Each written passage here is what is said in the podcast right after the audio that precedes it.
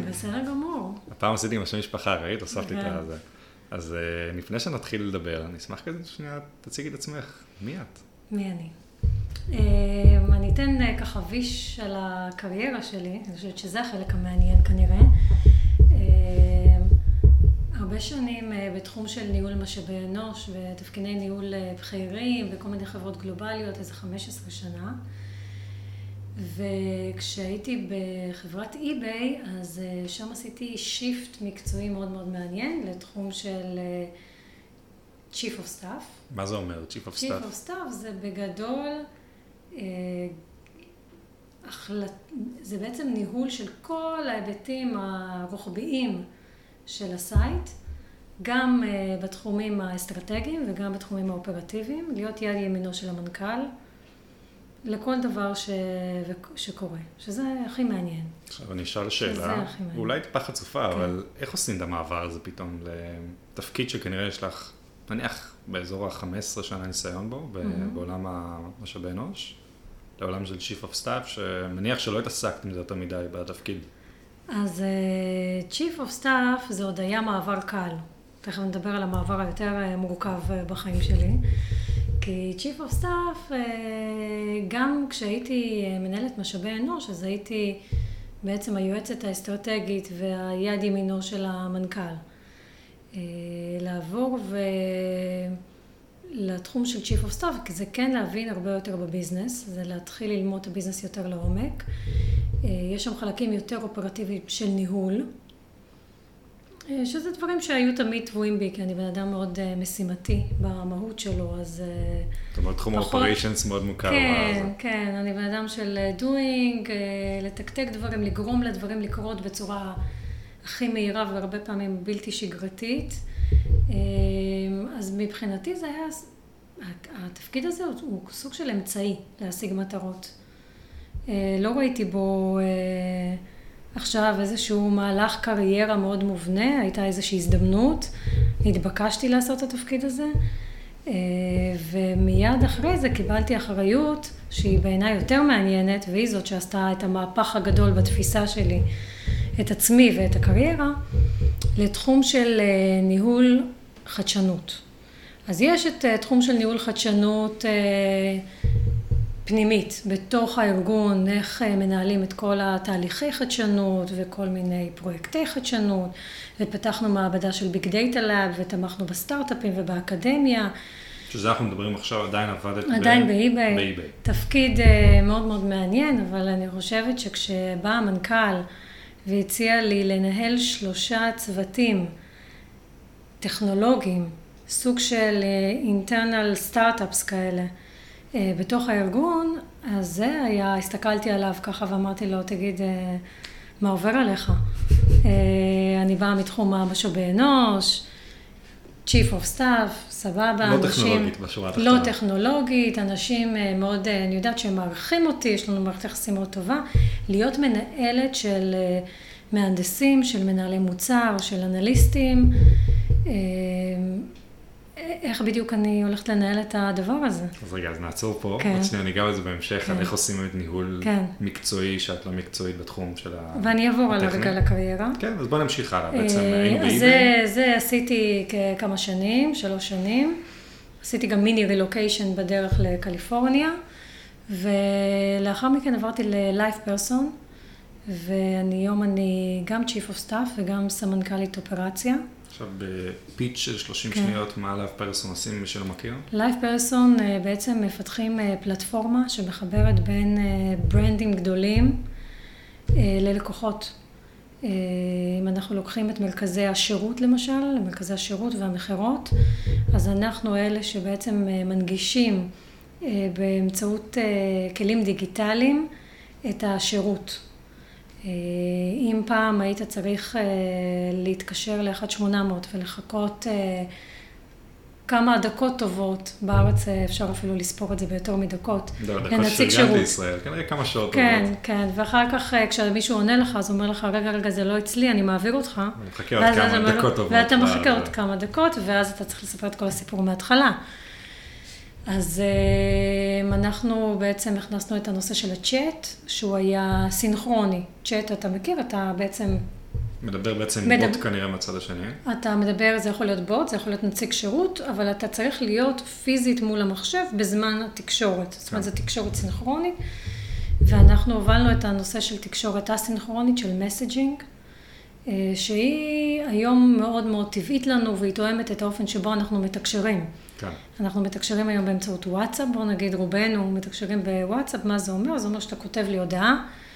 אה, אם אני לא זמינה כרגע, אני אענה לך ברגע שאני זמינה, אתה לא זמין, השיחה נמשכת. אבל במקום אה, שאני אשאר במחשב כל הזמן, זה בעצם מקפיץ לי ויעשה, אפשר להגיד, עקוב אחריי לוואטסאפ האישי שלי, למייל או לכל פלטפורמה אחרת. אה, כן, וכן, מסנג'ר, אפל, גוגל, הכל, ואז אתה ממשיך את השיחה מאיפה שהתחלת. אוקיי. ואז לא צריך לחזור על עצמך או לחכות ולבזבז זמן יקר. טוב, היום זה נראה נורא מובן מאליו, שכאילו זה תמיד היה פה. ועדיין, נכון, ועדיין אנחנו עוד לא שם. מדהים, מדהים, מדהים. טוב, אז בעצם בלייב פרסון היום את נמצאת בתפקיד של Chief of Staff גם כן? כן, גם Operation, גם Chief of Staff. אה, שוב, תפקיד מאוד אה, רוחבי, חולש על הרבה מאוד תחומים, אה, גם תקשורת פנים-ארגונית, גם תקשורת החוצה, גם כל מיני...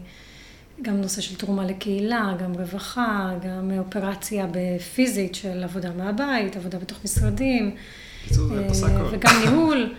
אני, מתעסקת בהרבה מאוד דברים. אני מתעסקת בהרבה מאוד דברים, בעיקר עושה מה שצריך כדי לקדם דברים. מדהים. לא בוחלת בזה לא שלי, זה לא תחום שלי. אה, איפה שצריך אותי ואני יכולה לתרום, אני שם. מדהים. טוב, אז נראה לי נתחיל, קודם כל, הנושא הראשון שאמרנו שנדבר עליו, זה פוליטיקה ארגונית. עכשיו, כן. נקודה, נראה לי שאפשר לדבר על השעות. ננסה להיות כמה שיותר קצרים פה, באמת להגיע לשורש העניין. כש... איך את רואה את זה? כשדיברנו על אה, נושא של קבלת החלטות, אז אה, אמרתי לך שהמודל שאני הכי מתחברת אליו בתחום, ויש אין סוף היבטים לקבלת החלטות, זה מודל מאוד פשוט, שמדבר שבכל קבלת החלטות, באשר היא, יש שלושה מרכיבים.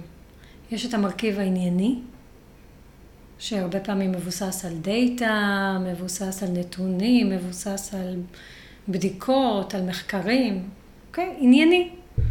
יש את ההיבט הפסיכולוגי, כי אנחנו בסופו של דבר בני אדם, אנחנו מושפעים, יש לנו אינטרסים, יש לנו תחושות, יש לנו רגשות כלפי אנשים מסוימים, אנחנו יכולים אה, אה, לנטות, אה, לקבל אה, החלטה אה, כתוצאה מזה שהקשבנו למישהו שאנחנו מאוד מעריכים, או מישהו שמאוד קרוב אלינו, או מישהו שאנחנו סומכים עליו. יש הרבה מאוד ממדים פסיכולוגיים שהם אה, לא מודעים בדרך כלל, כשאנחנו מקבלים את ההחלטות. זה עולם ה-cognitive bias בעצם. כן, כאילו. זה אה, שהוא אפילו המילה bias היא... היא... יותר קוגנטיביות, נראה לי, זה ה... כן, היא, היא מבאסת אותי כי צריך לקבל את זה, זה לא bias, it is what it is. כן. אנחנו בני אדם, אנחנו מונעים גם מרגשות, גם מרובד הרגשי, הוא מאוד מאוד חזק אצלנו, הוא משפיע עלינו בכל מה שאנחנו עושים, והוא שם, אוקיי? אה, אפשר להגיד שגם הנתונים יכולים לעשות לנו bias, גם אה, כן. באותה מידה. והחלק השלישי זה החלק הפוליטי. אם אנחנו נמצאים בתוך ארגון, אז הרבה פעמים, או לא הרבה פעמים, תמיד, בכל קבלת החלטות, יש גם חלק שהוא... אה, אינטרס נסתר. שהוא אינטרס, הוא אינטרס, הוא יכול להיות אה, נסתר, הוא יכול להיות גם גלוי, הוא יכול להיות אישי, הוא יכול להיות אינטרס אה, ארגוני. זאת אומרת, גם אם אני עושה משהו שהוא לטובת ארגון ולאו דווקא לטובתי האישית, זה עדיין פוליטי. זאת אומרת, עדיין אני לוקחת בחשבון אינטרסים. גם זה, זה משהו שהרבה אנשים... במהלך הקריירה אה, מאוד נבהלים כשאומרים פוליטי. זה כאילו משהו איכסה כזה, אני לא, לא רוצה לא להתעסק עם זה. לא רוצה להתעסק עם העולם הזה, כן. זה לא אני, אני נקי. אני לא מתעסק בפוליטיקה. ואני חושבת שזה לא נכון, אני חושבת שאנחנו חיות פוליטיות. אה, וזה חלק אה, מאיתנו, כמו שאמרנו, שגם החלקים הרגשיים הם חלק מאיתנו כבני אדם, גם החלקים הפוליטיים הם שם. מתי ארגון או ארגון בריא כששלושת החלקים האלה, אם נדמיין רגע פאי, עוגה, הם אה, מתחלקים בצורה כזאת שהחלק הענייני הוא הגדול ביותר. כאשר החלק הענייני הוא תופס את המקום הגדול ביותר, ואנחנו מודעים שיש עוד שני שני משולשים שם בתוך הפאי, אבל הם תופסים שטח יותר קטן, אז הארגון הוא ארגון בריא. מתי אנחנו מתחילים להגיד שהארגון הוא ארגון פוליטי מדי, שיש פה חוסר ענייניות, אנחנו מרגישים שהחלטות לא מתקבלות מהמקומות הנכונים, זה כאשר אם אנחנו עושים איזשהו ניתוח, אנחנו מבינים שהחלק הפוליטי תופס מקום גדול מדי בתוך הפאי. ההמלצה שלי היא תמיד קודם כל לא להתעלם מזה, אה, לא להניח שזה יכול להיות לא קיים בכלל, להבין שזה תמיד יהיה שם, אבל אה, לבדוק את עצמנו כשאנחנו מקבלים החלטות, לראות מה מניע אותנו בקבלת ההחלטות? באמת באמת מה מניע אותנו? אז אני אשאל שאלה מתבקשת. זאת אומרת, עכשיו את נותן פה תרחיש באמת על חברה שהיא כאילו, יכול להיות שהיא במצב טוב, יכול להיות שהיא במצב לא טוב, אבל איך אפשר בעצם לבנות תרבות ארגונית שהיא עם פוליטיקה בריאה? זאת אומרת, איזה דברים, אפילו ברמת החברה, איזה, האם לעשות שיחות, האם לפתוח את הנושא הזה, או להשאיר את זה כתיבת פנדורה של לא לגעת, או להשאיר את זה לסוף שנה לתקציבים של השנה הבאה? אני חושבת ש... קודם כל זו שאלת מיליון הדולר. כן. אני אדבר אה, בסוף מהניסיון שלך. יצא לך מה... בכמה ארגונים מהצד, כצופה. מה את חושבת שהיו דברים טובים, פחות טובים, בלי לציין את שם הארגון, שאת חושבת שהיה אפשר ליישם יותר טוב, או שאת תיישמי עכשיו גם במקום עבודה הנוכחי? אני חושבת שהמפתח הוא ביטחון ו... ואגו. ככל ש... אני אסביר. ככל שמנהלים יותר בטוחים בעצמם ובמקום שלהם, ויש באמת תחושה של ביטחון. הביטחון יכול להתבטא בסובלנות אה, של הארגון לטעויות, בסובלנות, אה, אה, בשמירה על, על תחושה שאתה לא נמדד על כל דבר קטן, אלא באמת יש איזשהו מרחב של ביטחון בעשייה וביצירה שלך. ברגע שאתה כמנהל בטוח במקום שלך, אתה מאפשר לעובדים שלך לפרוח ולגדול ולהתפתח, ואתה לא מאוים, ואז הנטייה, ברגע שאתה, בוא נגיד הפוך, אם מנהל הוא מנהל שמאוים מאוד וצריך לבלוט, אה, והוא לא מרגיש שהוא בטוח בארגון, אז יש שם הרבה מאוד פעמים אה, פוליטיקה שהיא פחות נעימה, פוליטיקה שהיא לא משרתת את הארגון, זה דבר אחד, והדבר השני הוא אגו.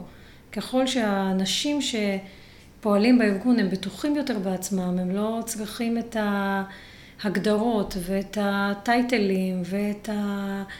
אה, כל הנושא הזה של היררכיה ומה, וגודיז, ומי מקבל יותר ומי מקבל פחות, ו... ברגע שאנשים הם אה, פועלים פחות ממקום של אגו, אלא ממקום של אני עושה את מה שאני צריך לעשות, ואני חובר עם מי שאני חובר אה, כדי לעשות את הדברים שאני מאמין בהם ושיכולים לקדם את הארגון, במקומות האלה יש פחות פוליטיקה. עכשיו. אה, וסביבת עבודה שהיא הרבה יותר מאפשרת מצוינות והצלחה בעיניי. אבל איך אפשר ליצור את הסביבת עבודה הזאת? זאת אומרת, אמרת פה עכשיו הרבה מאוד דברים, אבל זה לא משהו שקל ליצור, זאת אומרת, זה culture מאוד מאוד קשה להגיע לנקודה הזאת. נכון, אבל איזה דברים, באמת מניסיון שלך, שאת אומרת, אולי אפשר לעשות ככה בחברה, וזה ישפר קצת את הקלצ'ר בתחום הזה. אמ, לכן אמרתי שזו שאלת מיליון דולר, כי אין לזה תשובה מאוד אה, מופשטת. אני חושבת שלבחור את האנשים הנכונים לקלצ'ר, זה הסוד. אז מרימה לי השאלה הבאה. אוקיי, זה באמת הסוד, כי אם אנשים הם אנשים, אה, איך אני אגיד לך, זה, אנשים, זה נשמע ככה קלישאתי, אנשים טובים, אבל אנשים שבאמת מונעים מהדברים שערכית הם תואמים את יתר האנשים, אז אה, נוצר קלצ'ר.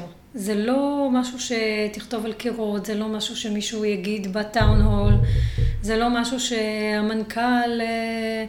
אה, ידבר עליו וזה יקרה, זה למצוא את הערכים המשותפים לאנשים, שזה מה שמניע אותם, זה מה שחשוב להם, ולכן מאוד מאוד מאוד חשוב למצוא לסטארט-אפ שלך, לחברה שלך, את האנשים האלה שהם חולקים איתך את אותם הערכים. אז אני עכשיו מתקיל אותך בעוד okay. אוקיי. שאלה. אני לא עושה לך חיים קלים היום. אוקיי. Okay. אני עכשיו נעשה סימולציה, יש לי מחר בוקר הקמתי סטארט-אפ, מאוד מאוד מצליח, כמובן טכנולוגי, big data, AI, Machine Learning, כל המילים המאוד מאוד מפוצצות, והתחלתי לגייס אנשים. עכשיו, יש לי את ה culture שלי של גלעד, שאני מאוד רוצה להטמיע בחברה, אבל איך אני יודע לזהות בגיוס של האנשים שהם תואמים ל culture? זאת אומרת, בסוף זה מאוד תחושת בטן, אין פה באמת data driven, אני לא חושב שיש פה נוסחה של... שבאמת אפשר להצליח, אבל בסוף איך אני יכול למצוא, אם עכשיו אני עומד אה, מול מישהי או מול מישהו בריאיון עבודה, להבין פחות או יותר אם אנחנו על אותו גל או לא. אז אה, קודם כל ענית על זה, לא שמת לב, אבל ענית על זה. ענית על זה. אה, זה נשמע מאוד כאילו לא פוליטיקלי קורקט, והיום יש כל נושא הגיוס והרעיונות הוא מקצוע. אוקיי? אז אה, ככה קטונתי, ואני באמת מדברת מתוך אה, ניסיון שלי. בוודאי שזה תחושת בטן בסופו של דבר. בסופו של דבר זה כימיה בין אנשים, זה לא רשימת קניות, זה דבר אחד. אבל היום את עוברת אה, אני... חמש או שש רעיונות בחברה, זאת אומרת אצל אנשים שונים. איך את מצליחה לקלוע או להבין לזקק מכל רעיון מה, הדו, מה התכונות שאת מחפשת? בתור באותו... מראיינת? גם בתור מראיינת וגם בתור מנהלת. זאת אומרת, גם בתור מנהלת מקצועית וגם בתור מנהלת לא מקצועית, עדיין צריך לפגוש את האנשים. אז אני אגיד לך, אני אענה לך על זה בשני חלקים. חלק אחד, הרבה פעמים, אה, קודם כל אני מאוד לא אוהבת רעיונות אה, סטנדרטיים שמתכוננים אליהם, הם לא מעניינים בכלל. מה זה רעיון סטנדרטי? אה, מה, במה אתה חזק, תתאר לי משהו שנכשלת בו, מה למדת מזה, כל השאלות שאנשים... אז איך נראה רעיון עם חגית מלול? אני מדברת, אני מבקקת ממך, ספר לי על הילדות שלך. מה מעניינת עכשיו? על מה, הילדות. מה את מחפשת כאילו מהנקודות? אני מחפשת את הנקי, את המשהו שלא התכוננת עליו בבית, שייצא בצורה הכי בלתי אמצעית. אה, לא דוגמאות מעולם העבודה שכבר התכוננת היטב לדוגמה של כישלון ודוגמה של הצלחה ומה... זה שמישהו אחר, זאת אומרת יש עוד, כמו שאמרת, יש מספיק מראיינים אחרים שישאלו את השאלות האלה. אה, אני הרבה פעמים רוצה לדעת איפה נולדת, איזה מין ילד היית, מה אהבת לעשות בתור ילד, אה, איפה היו החוזקות שלך בתור ילד, איזה מין טיפוס היית, מה היו התחביבים שלך.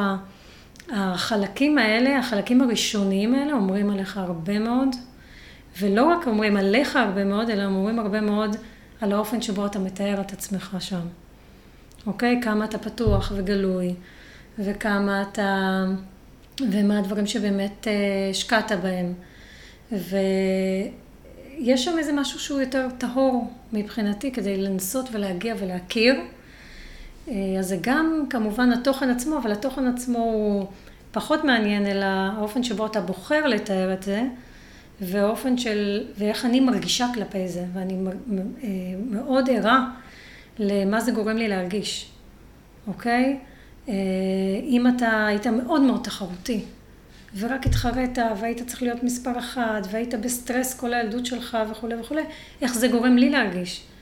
דרך אגב, זה יהיה מאוד שונה מאיך שזה יגרום לך להרגיש. אתה יכול מאוד להתפעל מזה, ולהגיד, מדהים, הנה מישהו מזה, אין פה טוב ורע, זה מה שיפה בכל הסיפור הזה. אין טוב ורע. אתה יכול להתפעל מזה מאוד, להגיד, הנה, אני מחפש אנשים ששואפים למצוינות אצלי בחברה.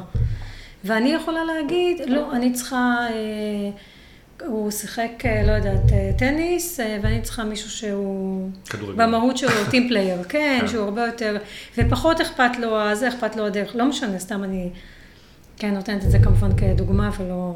כן. זה חלק אחד. והחלק השני ברעיונות הוא למצוא את הניצוץ. אנשים אומרים, מדברים הרבה ברעיונות. יש אה, שלב שהם מספרים אה, על החיים שלהם ועל הניסיון שלהם ועל הידע שלהם, ואני מסתכלת להם בעיניים. יש נקודות שהעיניים נוצצות, שיש ניצוץ בעיניים, שפתאום אתה מרגיש שיש התלהבות פנימית, ששם יושב הפאשן של הבן אדם. זה יכול להיות משהו איזוטרי, זה משהו שולי, זה יכול להיות משהו מהותי, אבל זה משהו שברור לך שחשוב לבן אדם. שהוא רוצה להיות במקום הזה. לי כמנהלת תמיד היה חשוב לקחת את האנשים, לשים אותם בבריליאנס שלהם. לא לנסות לשפר את החולשות שלהם, לא עניין אותי אף פעם מה, במה הם צריכים להשתפר, מה החולשות שלהם, או מה הדברים שהם פחות טובים בהם. זאת אומרת, הסוויט ספוט שלהם, וכאילו להשאיר אותם שם. לגמרי, זה, תחשוב על זה שאנשים שנמצאים באזורים ששם הם הכי טובים, הכי מוערכים, זה המקומות שהם עפים בהם. אין, אין, להגיד the sky is the limit זה כאילו understatement. זה הגדרה לסופרסטאר, זאת אומרת, זה בחברות. לגמרי, וכשאנחנו מנסים להכניס אנשים לתוך קופסאות, ואנחנו מנסים uh, לעשות roles and job description, roles and responsibilities, וכל הדברים האלה, הם uh, מדכאים. אנשים צריכים לעבוד בתחומים ששם הם uh, מבריקים, שם הם עושים את זה, ויש מספיק אנשים אחרים שהפשן שלהם זה במקומות המשלימים. וככה אתה יכול לבנות צוות שכל אחד עסוק, משלים ו... ועסוק בפשן שלו. אני מסתכלת הרבה פעמים גם על הפוטנציאל, ולא, הרבה פעמים, אולי כל החיים, כשאני גייסתי אנשים, גייסתי אנשים שלא עשו את התפקיד שאני מחפשת בעברם.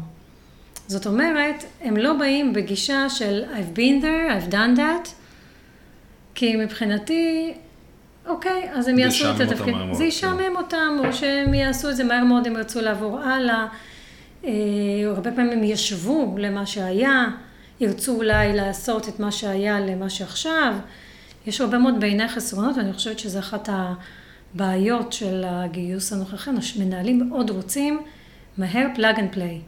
הם רוצים מישהו שבדיוק יש לו את כל התכונות, שיכול מחר בבוקר להתחיל לעבוד מחר בבוקר תתחיל לייצר ולהיות יצרני ופרודוקטיבי. אני חושבת שזו טעות. זאת אומרת, אני מבינה את הלחץ. לא, ברור, אבל כמה ימי חסד לצורך העניין נותנת עכשיו למישהו שהגיע לחברה? אני יכול להגיד בצבא זה היה באזור 100 יום. אה, מבחינתי מ-day one הוא צריך להביא ערך. לא, זה בטוח, אבל בסוף כאילו, את לא מצפה, אני לא מדבר על תפקיד טכני שהוא מאוד מאוד כאילו plug and play כמו שאמרת, אלא תפקיד באמת שדורש טיפה יותר חשיבה, קצת יותר הבנת culture ופוליטיקה ארגונית, אבל כמה ימים או כמה זמן... אני לא סופרת את זה, זה לא מעניין אותי כל כך. אז מה מעניין? מעניין אותי שאנשים מגיעים לתפקיד שהם רואים כהזדמנות, קודם כל, שזה משהו שהם אה, מקבלים איזושהי הזדמנות והם מאוד רוצים להצליח ולהוכיח את עצמם, אז הם באים עם אנרגיה מטורפת. ומבחינתי כבר בימים הראשונים הם אה, מייצרים ערך. הערך יכול להיות בזה שהם יושבים ורושמים, ואני מבקשת מהם הרבה פעמים לרשום, דברים שהם רואים שמפריעים להם. זה, אנחנו אה, אנשים מאוד מאוד אדפטיביים, חיות אדפטיביים, יצורים אדפטיביים מאוד. אנחנו הרבה פעמים מהר מאוד מתרגלים לדברים שקורים ולא רואים בהם כאישו.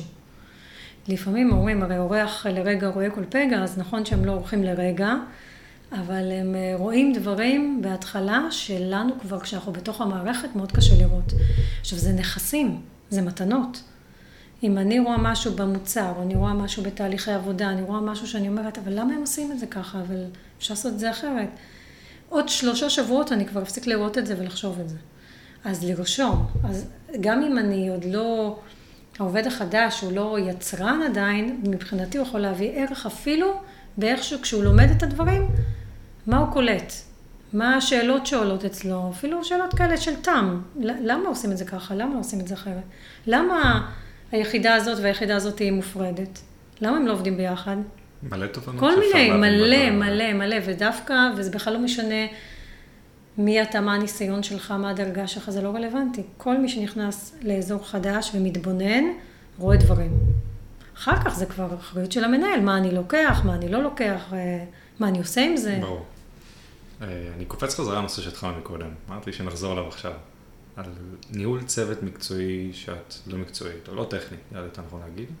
איך בכלל מתחילים את זה? כאילו, מה, מה first step בכל הנושא הזה?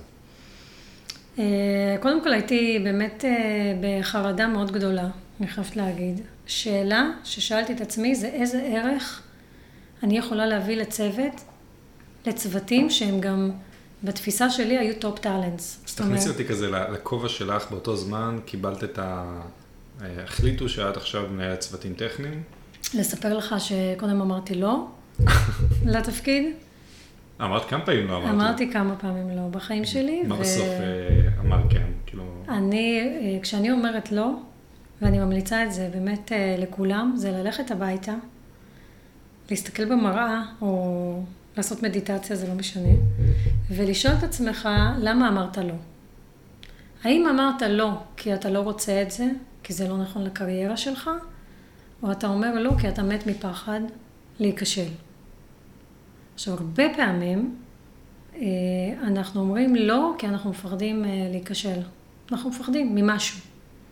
הרבה פעמים זה פחד מכישלון. מה, למה, מה רע לי?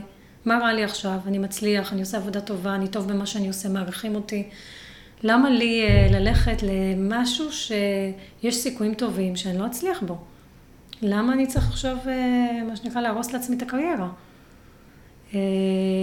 וכשאני עונה לעצמי, שהתשובה שאני אומרת על תפקיד לא, לא כי זה לא מסקרן אותי, מעניין אותי או בא לי, אלא כי אני מפחדת. אז uh, החלטה שלי עוד uh, ככה בשלבים, uh, שלבי הקריירה הראשונים, היו להגיד כן. זאת אומרת, אני אומרת כן, כי אני החלטתי שאני לא נותנת לפחד להוביל אותי. וגם פה אמרתי לא למנכ"ל כמה פעמים, הוא התעקש, ואמרתי כן, ומאוד חששתי מה... תגובה של האנשים. אמרתי לו, אתה יודע, אנשים גם יכולים להגיד, מה אתה מביא לי עכשיו מנהלת שהיא לא מקצועית? איך האנשים הגיבו לזה? אה, להפתעתי, אה, הפוך. אה, היו, היו ספקולציות ושמועות על שינויים ארגוניים. אני לא הייתי במשחק, לא הייתי בכלל ברולטה.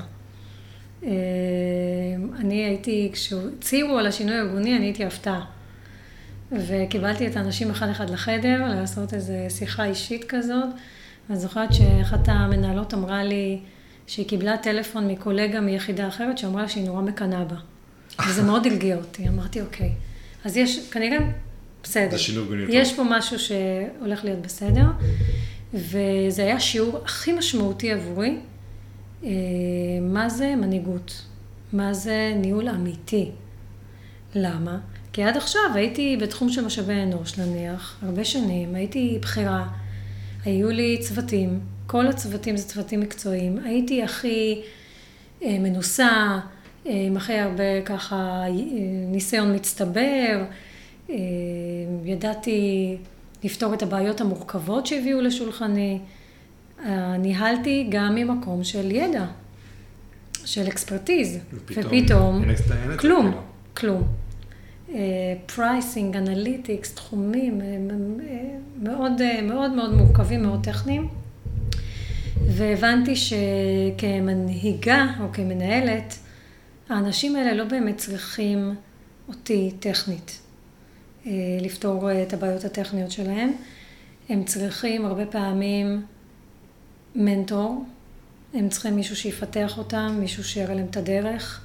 מישהו שיעזור להם פוליטית בארגון. אתה יכול לפתח מוצר מדהים, מדהים, אבל אם לא עשית עבודת הכנה טובה בארגון, לעשות ביי-אין לפרטנרים או ללקוחות הנכונים, לרתום את האנשים הנכונים, יש המון המון עבודה שצריך לעשות, לא משנה כמה המוצר שלך מדהים, הוא ייגנז, הוא ייכנס לתוך מגירה. כי לא עשית את כל העבודה הטובה לפני זה. אה, להיות, אה, התפקיד שלי, אני ראיתי את עצמי כאנייבלר, אני צריכה לדאוג שהצוות שלי לא יתעסק בשטויות, שיהיה לו זמן נקי לעבוד, לחשוב, ליצור, זה אומר בוטלנקס, אה, אם יש בוטלנקס ארגוניים, חסרים להם משאבים, חסר להם תקציב, הייתי מטפלת בכל הדברים האלה, אבל אני חושבת שהחלקים שהכי הלהיבו אותי זה כשכן היו בעיות אה, ארכיטקטוניות וטכניות, והייתי נכנסת לחדר, והם היו מסבירים לי איפה הבעיה. אה, ואני הייתי אומרת, אה, שואלת שאלות, שאלות של תם, כאילו של הדיוט, מה שנקרא, שאלות של מישהו שלא מכיר את הביט ובייץ ומבין את המורכבות ונתקע במורכבות, אלא מישהו מהצד, סוג של user אפילו פוטנציאלי. והייתי שואלת שאלות, ואני זוכרת את הפעמים הלא מעטות, שאמרו לי, וואלה, לא חשבנו על זה. כי פתאום הם נמצאים במקום נורא קבוע, שאת פתאום מגיעה כ observer מהצד ואומרת, כאילו, רגע, בוא נעשה קצת zoom out, תסבירו לי מה קורה. וכן, ווואו, זה חלקים שממש התרגשתי מהם, שאני יכולה לתת גם value מקצועי, ולאט לאט גם הבנתי שיש לי הרבה מתוך ניסיון בארגונים, ושישבתי בהנהלות וכולי, דברים שאני בכלל לא מודעת שאני יודעת. כמובן, אה, פותרים אה, משברים ובעיות וכולי וכולי. אני חושבת שזה סופר מעניין, ואני חושבת שיש מתודולוגיות אה, לחברות רבות. היום יש מתודולוגיות שכשמקבלים החלטות מכניסים מישהו שהוא לא בעל עניין, או מתוך הצוות. כשמקבלים החלטות, מישהו מבחוץ. שינסה להתנגד או שינסה קצת לא, כאילו... לא, לא שיתנגד, שיביא דעה שהיא לא באה מהמקום המקצועי. זה ש... בורד אובזרבר באיזשהו מקום, שהוא מתבונן מהצד ואומר כאילו, תשמעו, זה מה שאני מכיר שם שלוש, לא מכיר את העולם הטכני. ובאמת בתקווה שייתן אינפוט שיכול פתאום ליצור שיח או משהו מעניין בשיחה. בדיוק, והיום אה, עדיין יש מקומות שיש זלזול כלפי אנשים שהם פחות אה, טכניים, לא, רק מישהו שהוא אקספרט וזה, הוא יכול לקבל החלטות על בסיס מידע וכולי, והבנה מעמיקה. אז אני חושבת, אני למדתי שלא, שזה נורא מעניין, זה מאוד מעניין להביא עוד אנשים לחדר שיכולים להיות אמנים, אוקיי? יכולים לבוא מתחום אחר לחלוטין ולהקשיב ולשאול שאלות ולהביע עמדה ו... וזה מאוד מעניין, זה מכניס עוד פרספקטיבה שהיא מוציאה מהשטאנץ. מדהים. טוב, אז לצערי אנחנו מגיעים לקראת סוף הפרק, זה עבר נורא מהר, גם לי. והייתי שמח לסיים איזשהו טיפ שלך לכל מי שמאזין. משהו שאת אה, חושבת שיכול ללוות אנשים צעירים בתחילת הדרך, או אנשים גם אפילו בקריירה שנייה, שיעזור להם בהמשך. שאלה כללית. אה, הדבר הראשון שעולה לי בראש זה לא להיבהל מכלום. בוודאי כשאתה צעיר ובתחילת הדרך, אה, לדבר עם הפחדים ולדעת שהכל, הכל, הכל זה מגרש משחקים. כשנתקלים בקושי, אז אה, שווה לחשוב גם על worst case scenario. מה הדבר הכי גרוע שיכול לקרות? הרבה פעמים הוא ממש לא נורא. ואני מדמה את זה לאיזה ג'ימבורי, כי בסוף בסוף בואו נשים את החיים שלנו בפרופורציה, וצריך כל הזמן לשמור על פרופורציות בחיים. גם כשנופלים, אוקיי, אנחנו נופלים על מזרון, אז נטפס על איזה משהו אחר, אה, נבדוק את עצמנו במקום אחר. אנחנו לא נשברים. ולשמור על פרופורציות ולהעז לעשות דברים, בעיקר במקומות שמפחידים אותנו. שאנחנו חוששים ולשאול את עצמנו למה אנחנו חוששים. ואם זה באמת, כמו שאמרתי, מהסיבה הלא נכונה, כמו שאני קוראת לזה, להיכנס בזה. פשוט להיכנס בזה. את אומרת, חוששים, את מדברת על... ששואלים בעצם, יש את השיטה של שלוש פעמים למה. שמגיעים באמת ללמה האמיתי. יצא לך לעשות את זה בעבר? כן, אני אוהבת לשאול אה, למה הרבה פעמים כשמדברים על ערכים, ואפילו חמש פעמים, אפשר להגיע אפילו חמש פעמים ללמה, ולהגיע לשורש העניין. אה, לא, אתה יודע מה, זה אפילו לא כמות הפעמים שאתה שואל למה, אלא באמת עד שאתה סוחט את הלימון עד הסוף ואין לך כבר שום תשובה אחרת, הרבה פעמים אתה מגיע לערך. כשאתה שואל את עצמך למה, למה, למה, בסוף מגיע משהו ערכי. וזה מאוד חשוב להתחבר לזה, כי זה אמור להוביל אותך. אנחנו אנשים שונים, מובילים אותנו ערכים שונים, יש דברים שמאוד מאוד חשובים לי, במיוחד בעולם העבודה, מאיזה סביבת עבודה אני רוצה. אז זה לא מספיק לעשות רשימה ולכתוב, חשוב לי שתהיה לי סביבת עבודה, אה, אה, שתהיה לי אוטונומיה, אוקיי? שחשוב לי שתהיה לי עצמאות. אז uh, אתה צודק, בוא נשאל רגע למה זה חשוב לך. למה חשובה לך עצמאות? לא, זה מעניין. וכולי וכולי, ל... עד שמגיעים לסורס, וזה המגדלור, זה הדברים שצריכים להעיר אותנו, כשאנחנו בוחרים מקומות עבודה, uh, כשאנחנו מקבלים החלטות. בהחלט. מדהים. טוב, חגית, אני למדתי המון היום. איזה כיף. אפילו אעשה כמה טיפים. אני מקווה שכל מי שהאזין אה, נהנה עד כה. נהנית אם יש למישהו שאלות או משהו כזה, אז זה בסדר אם אני אפנה אותם ללינקדאין שלך, או... בשמחה. למייל או כל דבר כזה או אחר. תודה רבה על האירוע. בכיף.